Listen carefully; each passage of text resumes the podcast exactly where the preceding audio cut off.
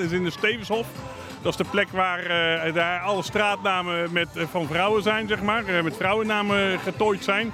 En daar doen we de eerste editie onder de vlag van Sport en Beeld van de Leiden Ladies Run. En dat daarmee de elfde editie van, van dit fenomeen. Ja, je zegt het al, hè? het is tien jaar lang door anderen georganiseerd. Is er ook iets anders? Nou, ni- niet zoveel anders, eh, behalve dan de organisatie. En gelukkig zijn de mensen van de oude organisatie eh, ook nog betrokken. Dus we gaan gewoon eh, ja, starten, zeg maar, continueren, voortzetten van wat, wat zij gedaan hebben.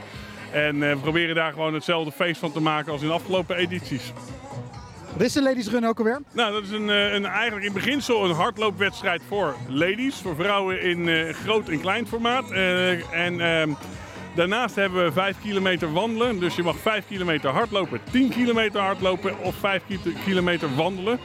Eh, en dat is dan volgende week vrijdag. Traditioneel de eerste vrijdag van september.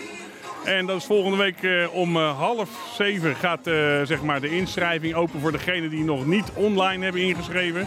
En vanaf 7 uur is er een warming-up door Vrouw Fit. En vanaf half acht gaat de Ladies Run daadwerkelijk van start. Is het nog wel van deze tijd, een Ladies Run? Ja, zolang er behoefte aan is, eh, hoe heet het, kan, eh, kan je de Ladies Run doen. Doe- Dat eh, doen we in alle varianten van sport.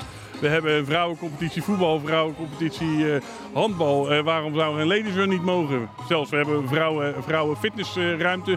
dus vind het allemaal prima. Laten we er niet al te ingewikkeld over doen.